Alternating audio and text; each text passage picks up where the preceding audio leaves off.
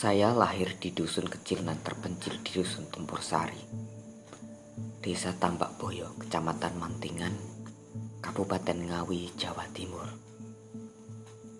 Sebuah desa kecil di ujung barat hutan jati Ngawi yang berbatasan dengan wilayah administratif Jawa Tengah. Tepat di hamparan sebelah utara Gunung Lawu yang maha perkasa itu. Konon, Menurut cerita tutur masyarakat yang hingga hari ini masih diceritakan secara getuk tular, kakek buyut saya adalah orang pertama yang membuka lahan alias babat alas. Membangun rumah, menetap dan mendirikan masjid dan pesantren di desa tempat bertemunya Kali Lor atau Sawur, Sungai Utara, dan Kali Sangit, Sungai Berbau Sangit yakni sebuah wilayah pertemuan tempuran dua sungai Sari. Sebagaimana tempur Sari disematkan pada wilayah itu. Ia yang awalnya merupakan hutan disulap oleh kakek menjadi sebuah permukiman yang mengundang banyak orang yang menetap di sana.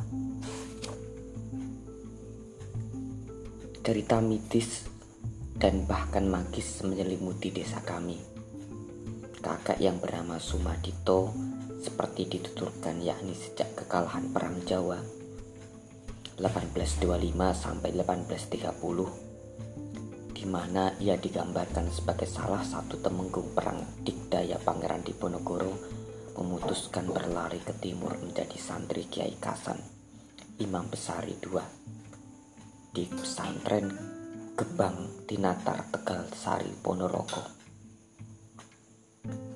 Sebuah pesantren tersohor yang kita kenal sebagai tempat pelarian Paku Buwono II di masa krisis. Juga tempat Yoso Dipuro II maupun Pujangga penutup Pronggo Warsito menyesap ngilmu dan menerima wahyu kapujanggan. Ia kabarnya setelah masa cukup nyantrinya disuruh berjalan ke arah barat dan tidak memperbolehkan berhenti sebelum bertemu dua pohon kelapa yang terpaut jarak tertentu di tengah hutan. Dalam perjalanannya, ia dititipi anak gadis sang kiai Tegal Sari itu, yang kelak diketahui menjadi istri yang menemani hidupnya di wilayah baru yang akan ia tinggali. Hingga syahdan, ia bertemu pohon kelapa di tengah hutan, yang di antara dua wilayah yang berdekatan mengikat tunas daun kelapa janur keduanya yang mengikuti kehendak nasib untuk tinggal dan menetap di tempat ikat yang membelit janur di salah satu pohon kelapa tersebut terputus setelah menunggu selang beberapa waktu seperti Kiai Kasan Besari. Ia setelah membangun rumah beserta tujuh tem teman santrinya mengubah nama menjadi Kasan Istat Hasan Istat Nama yang mungkin mengingatkan akan nama sang guru Kesan Besari Cerita mistis seputar desa selalu terpaut diri juga anaknya Kiai Jahid yang melahirkan ibu saya Bah, Kasan Istat Misalnya sering dikatakan mempunyai kendaraan kesayangan berwujud harimau macan. Yang hingga masa belakang Setidaknya hingga pernikahan kakak perempuan saya yang terakhir tahun 90-an akhir masih menampakkan diri pada ibu saya. Dulu banyak saudara bercerita jika saudara dan masyarakat melihat macan simbah keluar dari balik hutan desa kami yang masih berdekatan. Mereka memberitahu tetangga macan simbah teko. Harimau simbah datang segera buru-buru mereka memberi sesajen. Atau cerita pembuatan gedung masjid yang hingga hari ini masih utuh dan melegenda. Masyarakat yang telah berlari berhari-hari memotong pohon sebesar dua tangkupan rentengan pelukan panjang tangan seorang dewasa di hutan yang berdekatan yakni untuk keperluan beduk terpaksa menyerah. Dalam satu hari, tebasan golok dan kapak ternyata baru bisa melubangi batang pohon tersebut hingga setengah. Namun saat para penebang kembali keesokan harinya, tebasan di pangkal pohon itu kembali utuh lagi.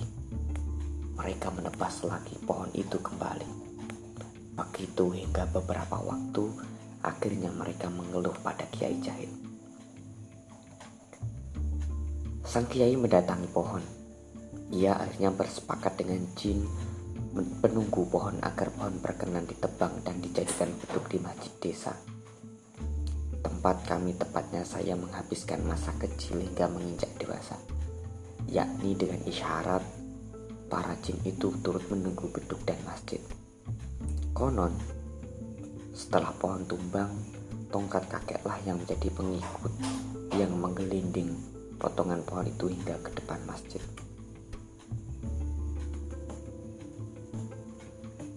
Saya nyaris menghabiskan masa ngaji dari madrasah dan pesantren maupun pergaulan hidup hingga menginjak dewasa di desa ini yang terkenal sebagai dusun santri oleh beberapa desa tetangga.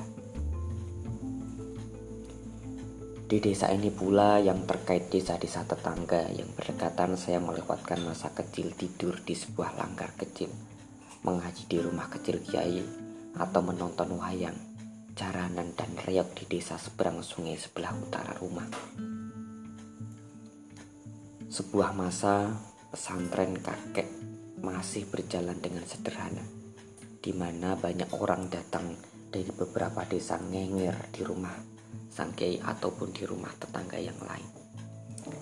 Kemudian di waktu subuh atau sore hari pergi ke rumah sang kiai, mensorokkan satu kitab kuning tertentu atau berpindah pada rumah generasi kiai baru yang mulai bermunculan untuk mengaji kitab lain.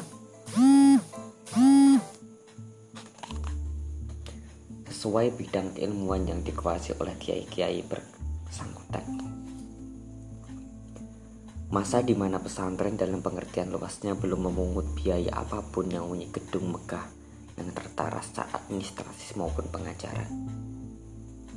Sebuah masa orang-orang miskin yang berdatangan dari beberapa desa lain merayakan berkat nasi pang penganan dari acara menggengan ruahan Tingkepan, Mitoni, Sepasaran, Suronan, Manakiban, Kenduri, Berjanjin, Rebu Kasan, Bodoh Kupat, Hataman, Sunatan, Malam Tirakatan di malam ganjil saat puasa, hingga bancaan di hari raya Idul Fitri maupun Idul Adha.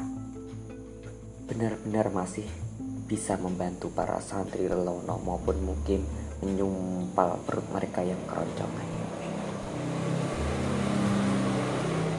Islam yang menjadi identitas dan pembentuk diri saya benar-benar dengan menyisahkan pelajaran Quran madrasah dan pengajaran kitab kuning yang saya pelajari dari rumah antar kiai maupun belakangan pengajaran dari sebuah pesantren seorang menantu keluarga besar yang berhasil menempati petak luas pesantren yang terpusat di pinggir desa sungguh hadir dalam bingkai tradisinya.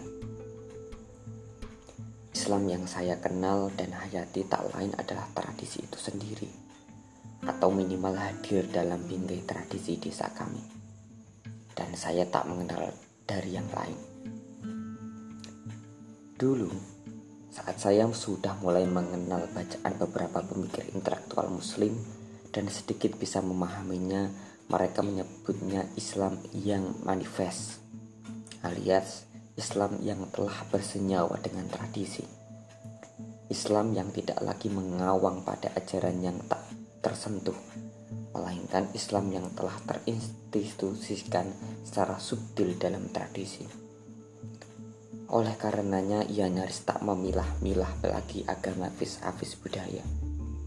Islam yang tak mungkin dikenal lagi dari sudut lain kejawaan yang memang pelan-pelan membentuk diri dan cara pandang dunia saya. Setelah meninggalkan desa, saya bahkan sering berimaji mengidealkan tentang sebuah masa indah dan damai di mana Islam selalu berarti rahmat karena memang telah menjadi bagian praktik sehari-hari yang santun. Dan sayangnya, saya selalu saja kembali mengingat desa tempat saya lahir